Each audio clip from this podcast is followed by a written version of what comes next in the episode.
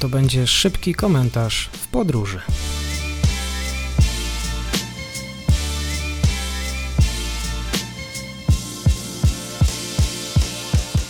Dzień dobry Państwu, dzień dobry wszystkim słuchaczom w kolejnym komentarzu w podróży. Oczywiście kolejny komentarz od Świat po prostu, czyli grzegorzkordelas.substack.com. Zachęcam do tego, żeby subskrybować, linki w opisie. Dzisiaj o przestępczej działalności w Ameryce Łacińskiej. Myślę, że pierwsze co przychodzi Wam do głowy to narkotyki. Słusznie, bo dla organizacji przestępczych jest to najbardziej dochodowe źródło utrzymania. Ale nie jedyne.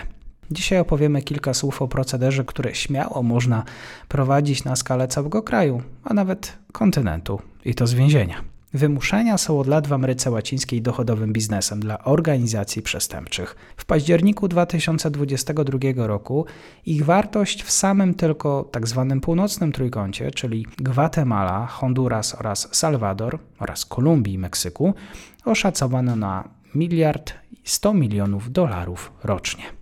W stolicy Peru, Limie, w pierwszych 8 miesiącach 2023 roku zgłoszono ponad 6,5 tysiąca przypadków wymuszeń, co stanowi wzrost o 60% w porównaniu z tym okresem w 2022. O zyski z tego procederu walczą tam lokalne organizacje z coraz śmielej poczyniającymi sobie na kontynencie gangami z pogrążonej w chaosie Wenezueli. Jak ustaliła organizacja Global Initiative Against Transnational Organized Crime, w Gwatemali władze odnotowały drastyczny wzrost wykorzystywania dzieci do pobierania opłat za wymuszenia w latach 2020 i 2021. Wykorzystywanie nieletnich ma dla gangów kilka zalet. Między innymi e, to, że dzieci nie mogą być prawnie ścigane i jest mało prawdopodobne, że w przypadku złapania ujawnią jakiekolwiek szkodliwe informacje. Wymuszenia polegają często na wyłudzaniu haraczy, tak jak w przypadku działań włoskich mafii. Pobierane są za ochronę przez organizację sprawującą władzę nad danym terytorium. Jak podaje serwis Inside Crime, dla wielu mieszkańców wspomnianych wyżej państw jest to od lat sytuacja tak powszechna, że wielu z nich przestało postrzegać to jako przestępstwo płaci się i już.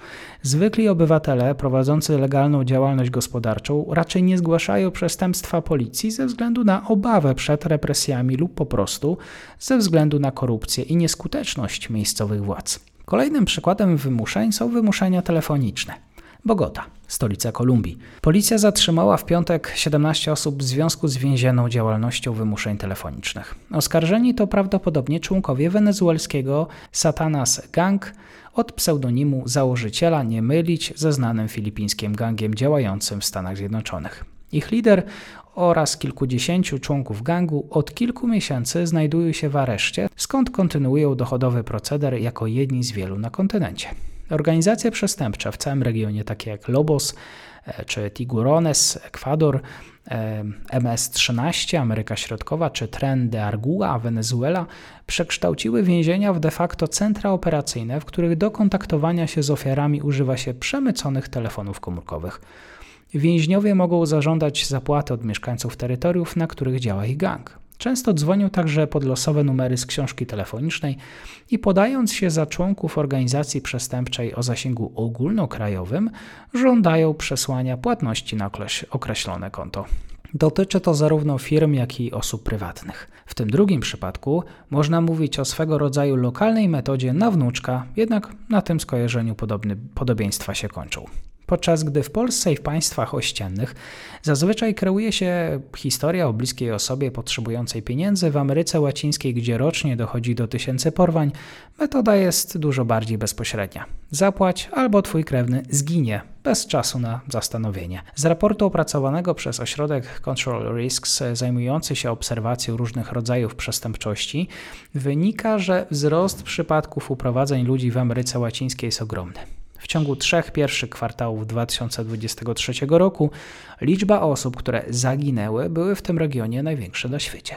W październiku 2023 roku kolumbijskie Ministerstwo Obrony ogłosiło, że liczba uprowadzeń ludzi w ciągu pierwszych dziewięciu miesięcy tego roku wzrosła w porównaniu z trzema kwartałami roku ubiegłego o 83%. Pod koniec minionego roku głośno było o porwaniu rodziców Luisa Diaza, piłkarze Liverpoolu przy granicy kolumbijsko-wenezuelskiej. Nic dziwnego, że telefoniczne groźby są dla ofiar wystarczająco realne, aby zapłacić. Oczywiście groźba porwania to tylko jeden ze sposobów na wyłudzenie pieniędzy od osób prywatnych.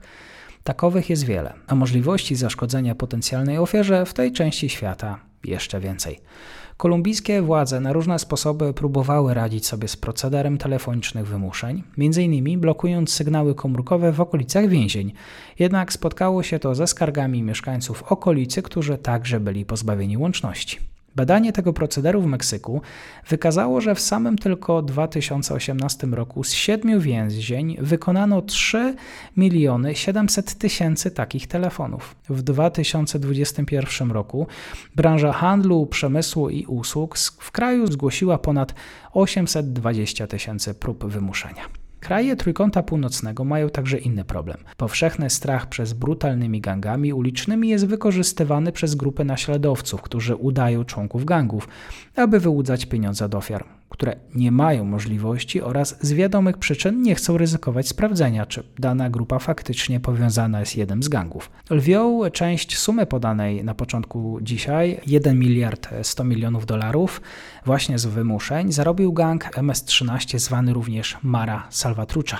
Tym, którzy nie interesują się przestępczością międzynarodową, wytłumaczę tylko szybko, że jest to gang założony w latach 80. przez Salwadorczyków w Los Angeles, głównie w celu obrony przed gangami meksykańskimi meksykańskimi, a także z potrzeby stworzenia wspólnoty w pogrążonych w nędzy dzielnicach. W latach 90. rząd Billa Clintona rozpoczął program deportacji przestępców.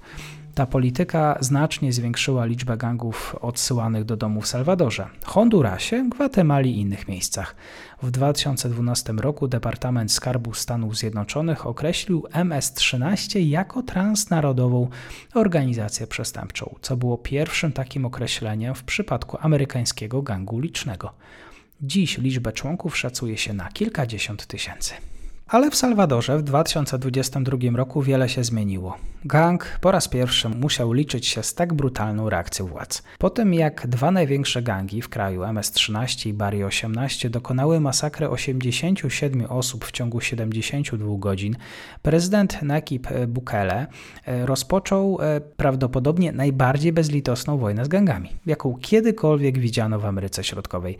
Kampania pomogła obniżyć liczbę przestępstw do historycznie niskiego poziomu i zdobyła przytłaczające poparcie w kraju pomimo powszechnych zarzutów dotyczących łamania praw człowieka. Jak wynika z raportu organizacji Christosol, co najmniej 150 osób zmarło w salwadorskich więzieniach w ciągu pierwszego roku wojny z gangami. Nowe narzędzia prawne umożliwiły także władzom Salwadoru zamykanie dzieci w wieku od 12 lat.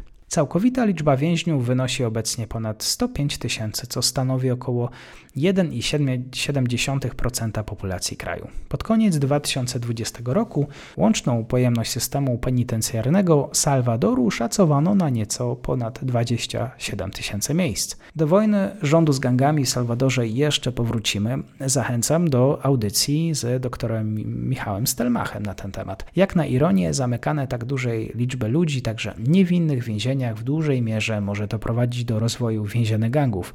Niewykluczone, że wpłynie to także na skalę wymuszeń na telefon. Bardzo Wam dziękuję za dzisiaj. Grzegorz Kordylas.substack.com Świat po prostu warto obserwować. Kłaniam się nisko.